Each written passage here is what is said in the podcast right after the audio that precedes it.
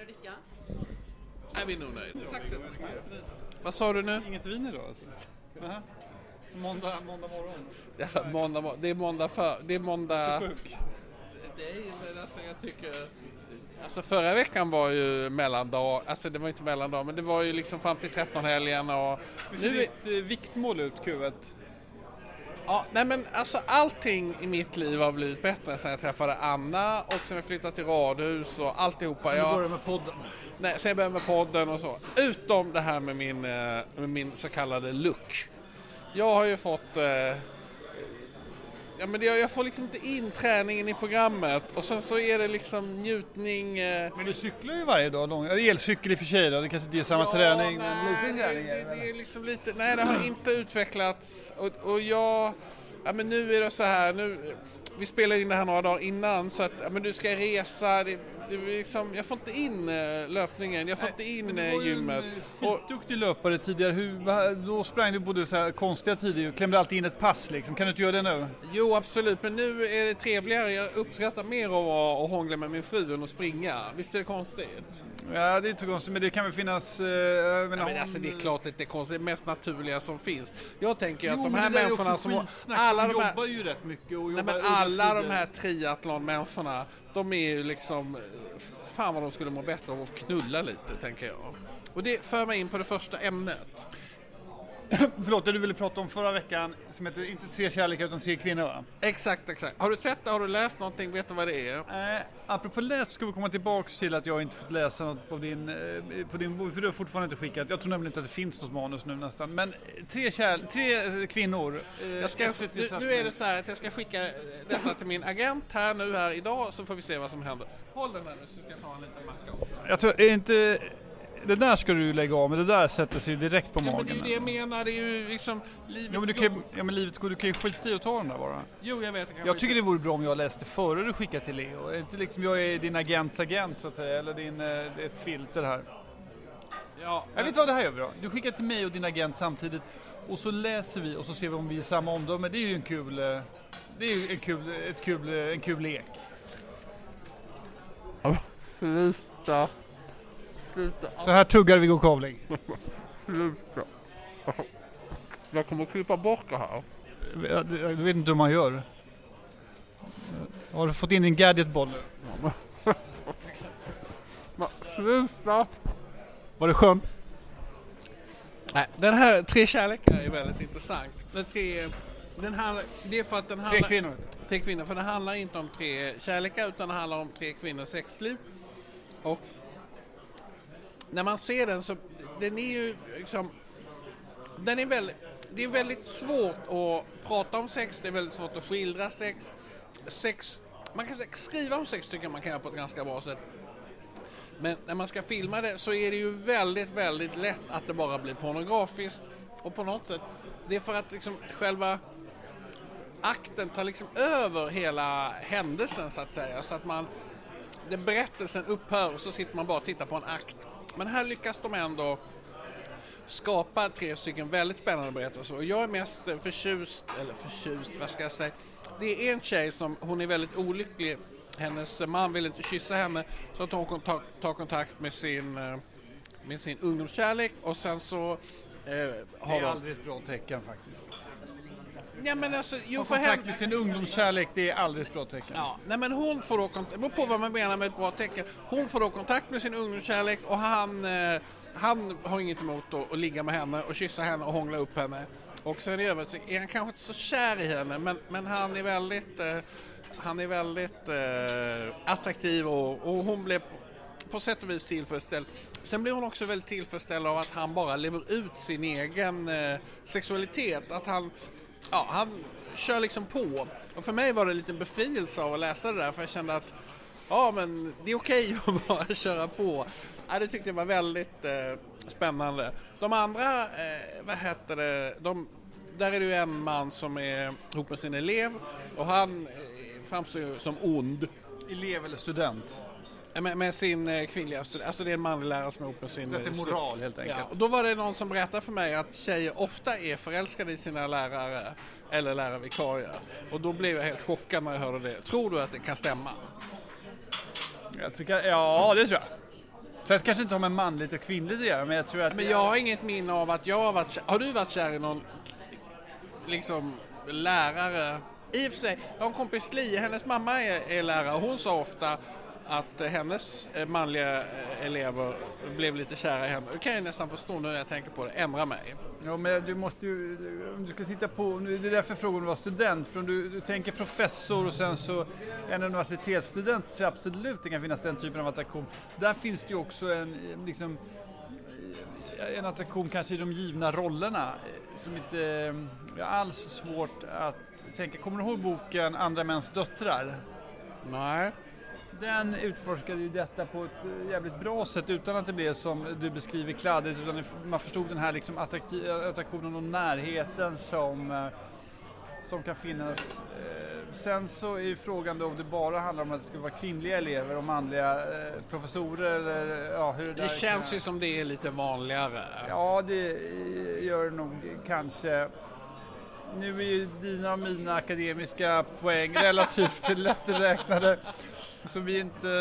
Ja, när jag läste, med, när jag läste modern litteratur så förekom det ju, eh, det är jag fullt medveten om. Eh, alltså tjejer kände i klassen var ihop med läraren. Men, men... Läraren då, ser han det där som säsongens eh, frukt så att säga som han plockar eller gifter de sig sen? Alltså jag, nej det gjorde de inte. Jag tror eh, Ja, men sen är det väl så här, det här var, läraren var väldigt passionerad i ämnet. Och det är ju ett väldigt bra sätt om man vill förföra någon, det är ju att vara passionerad i något annat än, än objektet och sen suger man in objektet i det passionerade.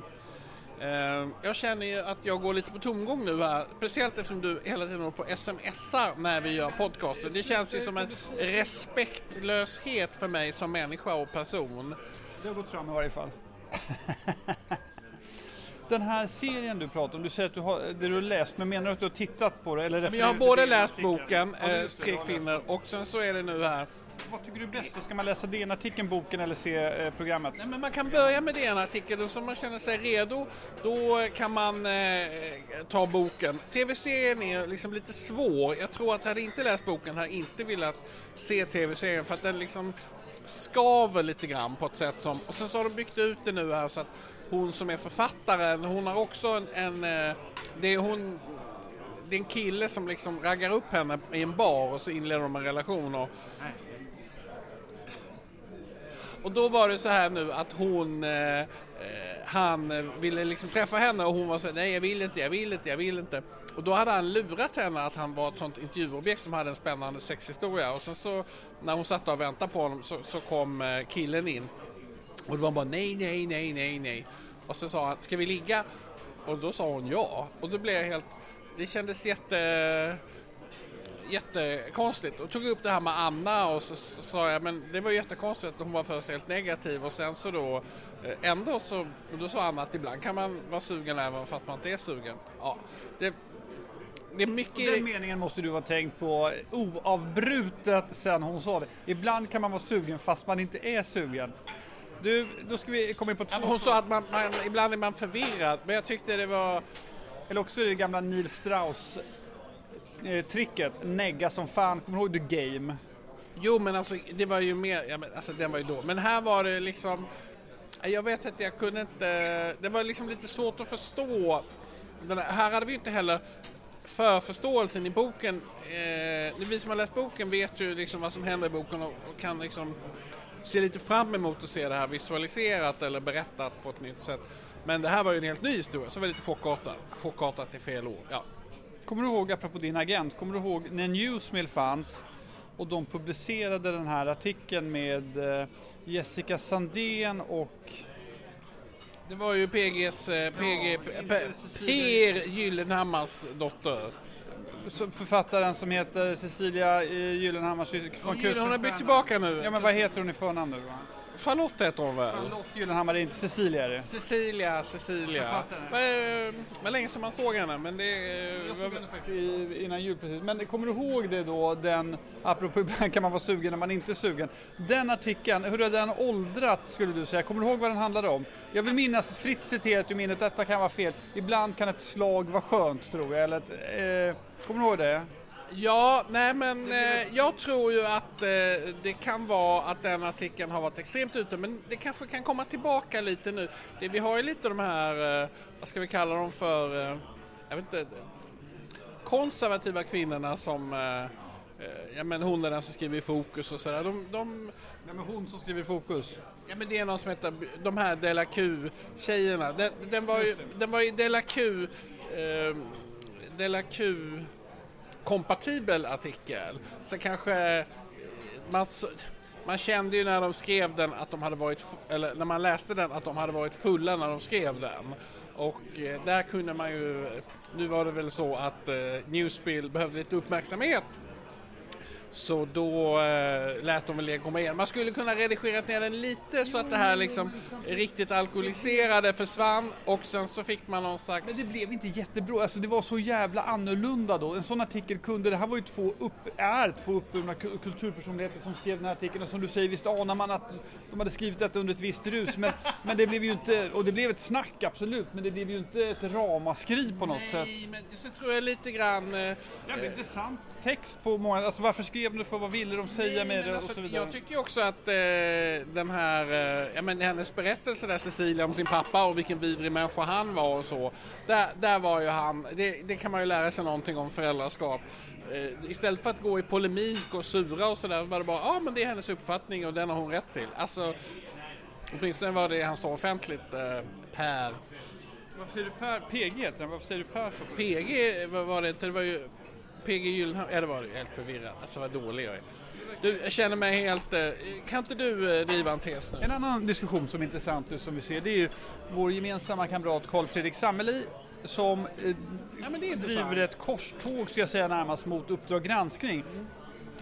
Eh, Carl Fredrik Sammeli driver tesen som är ju fullt rimlig tes att media ska behandla eh, eh, eh, media ska uppträda som de vill att andra ska uppträda, det vill säga att man ska vara transparenta, svara på frågor och vara tillgängliga. Jag har ju under min tid som chefredaktör alltid tyckt att en tidning ska... Nu kommer maten, perfekt. Är. Ska vi, vi äter Tack. lite och så kommer vi tillbaka. Nej, nej, nej. Fan, du får smaka. Tack så mycket. Att eh, media måste komma till en punkt då man lär sig erkänna att man haft fel och man lär sig erkänna misstag och man ökar transparensen. När vi drev det som är både du och jag, det var innan Twitter fanns, då fanns artikelkommentarer då man kunde åka på någon snyting om man eh, hårdvinklade något sånt. Nu har ju det här dragits till sin spets då ingen kan ersätta något fel överhuvudtaget. Eh, för det viktigaste är att skydda sitt oberoende, sin finansiering, sina medarbetare. Man får inte skapa en blotta där. Och där har jag ett eget exempel från Dagens Nyheter som ju nu snart fyller fem år men som gärna fortsätter prata om. Men jag behöver inte göra. Men Carl Frick Samling undrar varför Uppdrag granskning inte kan ställa upp på en intervju och jag tror att han har drivit det så. Axel Björklund, din gamla protégé, tror jag på något sätt har eh, nu läser vi måndag när vi spelar in det, ska göra någonting eh, ska göra någonting. Ja, Men på något sätt så är ju, har man varit där, där i Göteborg på SVT Göteborg, som jag varit många gånger, väldigt trevligt. Jag saknar ju det här programmet Debatt. Ja, det är jag, ju de, så fort de inte hade något, visste vad de skulle göra, och så ringde de mig och så fick jag komma dit och ha lite liv i luckan. Ja, Men nu är det ju det programmet sedan länge nedlagt och de ringer aldrig längre. Men då var det ju... Kan det hänga ihop tror du? Att det är nedlagt och att det är därför de inte ringer? Eller? Är det, finns det någon Ja, men så, så är det ju verkligen. Och det är ju väldigt beklagligt men det kommer komma tillbaka för det programmet är liksom fortfarande ett av världens starkaste tv-format. Att folk sitter i ett apberg och, och bråkar med varandra. Nevermind. Då var det i alla fall så på... eh, Jag tror inte SVT vågar ha ett sånt program längre. De är för rädda för de ämnena. Apropå man får skriva och inte säga. De lever så otroligt skyddat så att de vågar inte släppa in de ämnena vi skulle behöva ha nu. Ja, Hur ska SVT förhålla sig till invandringen? Det vågar de inte göra. Ska vi bara, men jag ska bara berätta det här om Uppdrag granskning först. Att då är liksom, Uppdrag granskning var ju liksom en, en, liksom en stat inne i Göteborgs-tv-staten. Det var liksom egna dörrar, egna lås, hemliga telefoner. Allting var krypterat. och Styrt av sådana här... Ja men det var ju som en egen Säpo-avdelning eh, inne på, lite som ja, Säpo faktiskt. Och där inne har de ju det här heliga uppdraget att de ska hitta sanningen och men det är så jävla avslöja för stora journalistpriset så. Och det gör de ju då, några, kanske vartannat oftast varje år, eller de har fått liksom en till två bra nyheter per år. Problemet är ju att alla de här människorna måste ju vara sysselsatta. Alla kan ju inte... Det är mycket skit och de, det är liksom... Det är massa miss- gräv som inte blir någonting. Alltså, jag förstår hur mycket man måste ta sig igenom de här granskningarna som de gör förtjänstfullt oftast. Men där man kommer fram till, nej, det visar sig vara helt naturligt eller Ja, det eller så, fanns så var det inte tillräckligt hårt eller så. Så kan det vara som, Nej. ja, men man också får inte fram rätt pusselbit. Alltså, alltså men jag tänkte, ja, men vi hade ju den där Timell-skandalen hade vi på, på Resumé väldigt länge och jag engagerade Honken och vi, vi liksom, och sen så svängde liksom, eh, sen kom ju metoo och då var det liksom okej att publicera, här kommer din bästis här. Bianca förstås. De kommer komma. Det är jävla gött att de är här. Nej, nej jag tror... ehm, nej. Nej. Bianca, får du? Vad sa du? God dag, god dag. Hej! Hej Viggo heter jag. Hej. Oj, vad heter ni då? Vem ska du äta med? Eh, Vanessa. Skit gärna var med oss istället. Självklart. Jag skippar det. Eh, Vet du hur mycket kläder jag får av... eh, Jag har ju en jävla massa guddöttrar. Ja. Att de liksom har förstått att, jag, eh, att du åtminstone kan säga hej till mig på stan. Skulle ge mig sån jävla status. Är det också. så? Ja, verkligen. Ser man på? Fattar inte Oj, riktigt. spelar ni en podd? Vi spelar in podd. Så här? Ja, Här sitter vi. Gud vad härligt. Den ska jag lyssna på. kommer du inte göra. Jo, jag vill göra det. Vill jag, Ja, men men jag, jag ska bli smartare i år. Okej, ja, då är inte det här ett podd för dig. Alltså, det, Jo.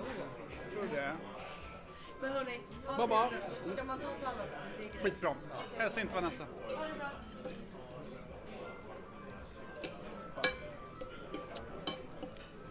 Nu fick vi lite stjärnglans här i podden. Herregud, jag blev helt skakig. Du, ehm, Men igen, tillbaks till. Varför har media, varför har Uppdrag granskning fall så svårt att svara på frågor, att säga nej, men det här alltså, de vill är vi så, göra. ja, men de är så, de är liksom, de sitter där och de är överstepräster och de är gudar och de är den heliga grävgudens eh, förkunnare och Ja, men alltså det finns, och så ser det liksom ett sektbeteende där inne. De är hotade, de är utsatta, de är avslöjade. Det är någon som spionerar på dem. All världens PR-konsulter får betalt för att... Du är inte ens nära. Inte ens jag- nära ett kvalificerat svar. Nej men alltså jag tror... Nej, men Varför de, kan nej, de inte, du får en fråga, varför kan de inte göra det? Därför att de kan inte vara vanliga. Om de skulle vara vanliga så skulle deras liksom, unikitet eh, reduceras. Att det liksom, och så tror jag så här. Nej, de måste, de måste vara det här tuffa, svåra. De, det är liksom män som inte äter. De svälter sig för att de har så viktiga uppdrag. Alltså de är ju liksom... Det, det finns en sekt där inne och... Nej, du är helt, vet du vad? De tror vill jag inte liksom- svara på frågor därför att de inte tycker att de behöver svara på frågor. Nej, men det de det jag säger, har de- det samma det jag menar. mentalitet som man hade i storbolagsdirektörer hade på 90-talet. Varför ska jag svara på det här? För det här är trams, eller jag håller inte med om formuleringen, eller någon har en annan agenda. Istället för att förstå att det är god hygien att svara på frågor oavsett vilken jävla idiot det är som ställer frågan så ska man svara på den. Och man ska naturligtvis, och de är inte obegåvade på något sätt, eh, på de är jävligt smarta, kunna ha ett, ett bra kvalificerat svar. De är totalt otränade i detta. Det var därför jag tror Agemans artikel i Kvartal tog så jävla hårt på dem. Att de tänkte så här, hur fan ska vi göra nu? Jag tror ju att... Sen tror jag lite så också att där har ju Uppdrag granskning... Alltså, på, när vi var, när, innan du var född fanns det ett program som hette Rekordmagasinet som Jan Guillou gjorde. Och det var ju det grävande undersökande programmet på den tiden. Och då gick jag i högstadiet och då fanns det ett, ett skolblad där i högstadiet, Oxivångsbladet. Och ett nummer så hade de intervjuat Jan Guillou. Du vet, jag kunde liksom inte föreställa mig att, att man kunde liksom ringa till SVT, komma dit och göra en intervju med Jan Guillou. Men vi vet ju alla att Jan Guillou, så fort en journalist ringer och ställer några frågor då, eh, då pratar han, eh, det som, då slår han på bandspelaren på sig själv då och säger då, pratar på. Alltså, Och det är ju samma sak var det med Janne Josefsson. Han var också liksom ansiktet utåt och blev liksom Uppdrag gransknings mänskliga röst. Nu har de ingen sån. Och det är ju för att SVT är liksom livrädda för sådana personer. Nästan inga programledare på SVT får lov att leva, växa till himlen utan de ska hållas på marken, de ska ha korta kontrakt, de ska liksom så fort det blir minsta lilla personlighet så byts de ut. Men jag tror att ett program som Uppdrag granskning hade liksom varit bra om ett annat skyltfönster än den här mellanchefen. Mellancheferna där inne på SVT, de älskar ju sig själva. De tror ju att de är de nya profilerna. Det kan man se till exempel på de här intervjuerna med vad heter det, nu har det varit massa intervjuer med Eva Bäckman. Alltså en mellanchef inne på SVT som på något kan inte sätt... kalla Eva Bäckman för en mellanchef. Jo men alltså, mellan, hon är inte högsta chefen. Nej, men hon, är väl i princip högsta chefen. Jo, men hon är ju inte synlig i rutan för tittarna. Alltså hon är ju inte... Kontrapunkt programledare. Jo, alltså där sitter hon som domare. Men hur fan... Det är domare. Hon är domare. Så det var väl din fru som hade vunnit programmet eller? Tack vare henne, Eva Bäckman. Ja. Jag, hör ju var, jag Bäck- hör varför du försvarar Eva Bäckman i vått och torrt. Men Eva Bäckman, det jag menar, det skulle vara precis som Arne Weise förkroppsligade julen och eh, Jesper Rönndahl förkroppsligade Svenska nyheter. Det är liksom, skriv lite längre kontakt med människor. Alltså, jag läste nu att Agneta Sjödin hade blivit uppsagd här på Nyårskarameller efter 24 år. För 300 år. Ja men eller hur? Men problemet tror Men- med alltså, SVT just SVT att är det ju ingen som har SVT jobbat mer än två år. Att de inte har... De har ju programdirektörer, apropå Eva Bäckman, de, de har, vad heter det... De har ju aldrig haft den här... Eller det har de ju haft, i och för sig. Jag tycker den här liksom ansvarig utgivare chefredaktörsrollen som man kan liksom ställa till svars. Varför funkar inte det? Det är ju helt absurt att man 2023 ska prata om att ett skattefinansierat media inte vill svara på frågor. Vad är det frågan om det det sker? Det är väl för fan bara att svara på frågorna. Att det ska vara som två fullvuxna karlar som du och jag ska sitta och prata om. Ja. Bianca, kom tillbaks.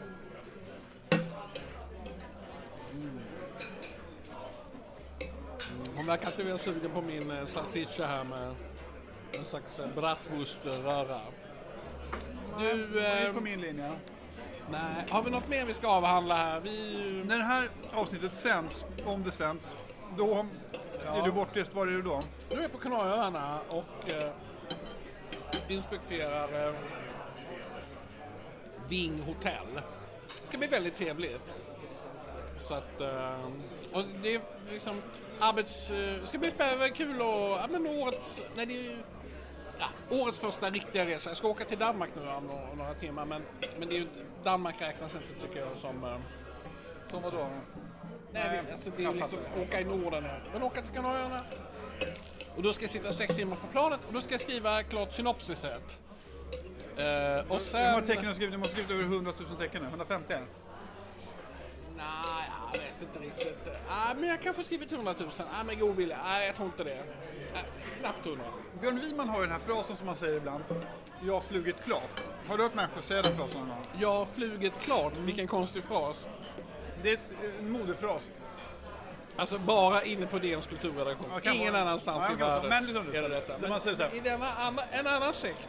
Jag, är- den anser, jag har flugit klart, det betyder så här. Jag har kommit fram till att jag inte ska flyga mer för miljön. Jag, jag gör den här uppoffringen, jag kommer så att säga inte resa mer med flyg. Du har, eh, du, har, du, har du, jag tycker det är väldigt svårt att förhålla sig till den frågan. Jag, jag fick den här frågan av Björn Wiman, vi åkte bil ihop. Och sa, vi pratade om en resa, jag har flugit klart sen. Då hade jag liksom på tungan och här, men hur gör du när du ska åka utomlands? Det måste ju ta jättelång tid. Men då förstod jag vilken jävla idiot jag är som inte, som inte lever i den tankegången. Men hur gör han då? Han åker tåg eller elbil. Han kanske cyklar, det har jag ingen uppfattning om. Men min fråga till dig var, som jobbar inom reseindustrin, hur, liksom, hur ska man förhålla sig till det när en person slutar flyga? Nej, men alltså, det är bara att konstatera att han är helt sinnessjuk ju. Ta Alltså, du, nej men alltså det är ju... jävligt lugnt. Nej men alltså det är ju... kan ju inte säga att en person som väljer att... Alltså, Jo men alltså en person... En person som honom som inte vill flyga, alltså det ingår ju i hans arbetsuppgifter att flyga, att resa runt i världen och missionera och prata och så. Alltså på något sätt är det så att om du vill protestera mot någonting Björn man protesterar du mot dieselbilarna som distribuerar er pappersupplaga. Gå och säg att vi ska sluta med pappersupplagan överhuvudtaget. Alltså gör någonting i din egen nisch först istället för att hoppa på eh, något annat. Dessutom så behövs ju eh, flyget, om flyget ska ju betala sin egen omställning. Det är ju, och om då folk slutar flyga, då kommer ju inte, eller marknaden viker så att säga, då, då kommer ju eh, då kommer det inte bli någon omställning. Och sen tror jag ju så här att världen idag är global. Kanske inte han har fattat Björn Wiman.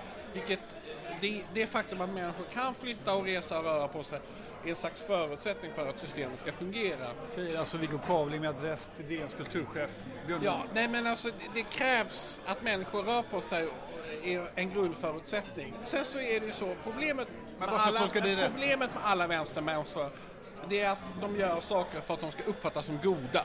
Ha, jag tolkar det. Tycker du att det är rätt eller fel av Björn Wiman att inte flyga? Ja men alltså, jag bara... Det är väl alltså, jag bara tycker det är så idiotiskt att, att den här tänk på- längtan efter att vara god eh, liksom kortsiktigt eh, oftast skäl på men hela det- lasset. men det Och där tänker jag Det på... kanske är samma sak som gör att Uppdrag granskning inte pratar heller. Längtan efter att vara god får inte ifrågasättas eller befläckas. Då är Ja, det enklare att hela tiden peka på det är du som är ond och jag som är god. Jag ska vara så långt ifrån dig som möjligt. Ja. Vet du när vi börjar med det här förhållningssättet? Det finns en, ett, ett exakt datum på när vi börjar med eh, förhållningssättet till omvärlden och till oss själva. Godhet och ondhet. Det gjorde vi, eh, jag, jag kan inte datumet men med fan på att man kan ta fram det. det den punkten när eh, man började se att Sverigedemokraterna var på väg upp i opinionen Ja. så blev det fint att säga nej, jag ska inte ha med det här att göra för det är ont och jag är gott och jag ska inte röra det för det smittar. Och sen har det, och detta var naturligtvis ett felaktigt eh, hantering redan då, vilket jag skrev. Och detta har smittat till allt. Så nu ska vi vara noga med, är vi de goda eller de onda? Vi är olika lag hela tiden. Ja, nej men det är precis, är, det ju... Nej, men det är Så exakt- var det inte innan SD. Nej, nej, nej, nej men det, det, absolut det är på detta sättet att det har ju på något sätt... Eh, Man skulle önska att statsfinansierad television skulle kunna säga så här. Vi klarar av bägge. Vi har inte den här typen av... vi men- skär oss inte på nej, det sättet. men jag tror att eh, där... Eh, jag har ju inte... Un, har du, det, det finns ju den här killen från Skåne som heter Henrik Jönsson. Har du sett den? Ja, nej, jag har inte sett det, men jag har Nej. träffat honom flera gånger. Ja, men han har gjort en film nu här som handlar om Socialdemokraterna och hur de har ljugit. Eh, ja, hur de just nu håller på och ljuger när de pratar om eh, restriktiv flyktingpolitik. Och då har han ju gått igenom då vad Morgan Johansson och Leif, Stefan Löfven och, och, och alla möjliga har sagt. Även Fredrik Reinfeldt. Alltså på något sätt är det så länge, de är ju så besatta av att vara goda och de, är så, de har ju ingen möjlighet att ta sig ur det här att de har brunmålat alla som har på något Jo, sätt det det- det nyanserat att debatten. jag Jag, försökte ju också nyansera debatten lite för, för många år sedan och jag blev ju det, det liksom, Ja, du, då sa ju Karin Pettersson Tillberg att varför ska man samarbeta med nazister? Eh, Då blir man ju själv nazist, typ sa hon. Och efter det var det bara, men alltså det här men det måste det finns ju inte på kartan att man vill vara med i ett sånt samtal. hur Socialdemokraterna, både att de har mage att de liksom skickligt driver på sina teser. När Tobias Brandin står och säger, pekar på att det här är Moderaternas fel. Alltså att man inte har någon självinsikt eller kan säga så här, här tänkte vi, här gjorde vi en jävla tankevurpa. Ja, jag, Med det sagt ska jag säga att Reinfeldt Jag- hade absolut inte, det är inte det jag säger. Men jag tror att jag tror att detta är väldigt farligt för att eh, en sån som, jag är säker på att den här filmen som han Henrik Jönsson har gjort den kommer ses av minst en och en halv miljon människor. Och, och den, eh, alltså på något sätt, den drar ju ner byxorna både på SVT faktiskt men även på, på Socialdemokraterna och hela det offentliga samtalet. Och, där måste ju några människor fundera på och säga så här, ja men vi hade faktiskt fel, vi ber om ursäkt och nu så ska vi skärpa oss och vi ska försöka göra det bättre istället för att liksom kasta sten på, eh, på någon annan och säga, men det var inte jag, det var inte jag. För den här längtan att vara god, det tycker jag var intressant. Jag läste en intervju med Mikael Wiehe i Dagens Industri för länge sedan, och, eller för, för något år sedan. Och då sa han det att det som var så speciellt i vår tid nu var att, att det var så svårt att ha rätt, det var så svårt att vara god. Det har liksom förändrats och det är ett resultat av den globala världen och att människor flyger omkring och reser på ett helt annat sätt och kan se, ja, allt som händer i hela världen är liksom tillgängligt och synligt på ett sätt som det aldrig var tidigare. Ja, Ja. det är- men det här kändes... Vi ska, tror vi ska säga disclaimer. Jag vi, tror att om Bianca lyssnar på det här kommer hon aldrig mer lyssna på podcasten. Hon kommer aldrig lyssna på det här. Jag tror att de kommer lyssna. Grejen med henne, hon är ju till skillnad från Uppdrag granskning en person som eh, både eh, som svarar på frågor, är trevlig. Eh, hon eh, uppför sig på ett sätt som man skulle önska att alla människor skulle uppföra sig på. Okej, men då kanske hon... Men. Jag vill ju att vi ska ha fler lyssnare, men jag är orolig att vi istället får färre. Paradoxalt nog är hon då som har varit med i vår podd flest gånger. Ja, jag vet, du och jag har väl varit Ja, men med. Vi har ätit upp, tack för Ja, var jättegott. Jag kan ta en eh, dubbel macchiato. En dubbel macchiato. Ja. Jag ska ha svart te tack. Te. Svart. Svart te. Yes. Jag har gått över till bryggkaffe, men nu så idag kände jag kanske 2024 kanske gå tillbaka till dubbel macchiato. Okej, ja, det är sådana stora grejer som händer. Oj, ja. Du, eh, ja, nej men... Eh,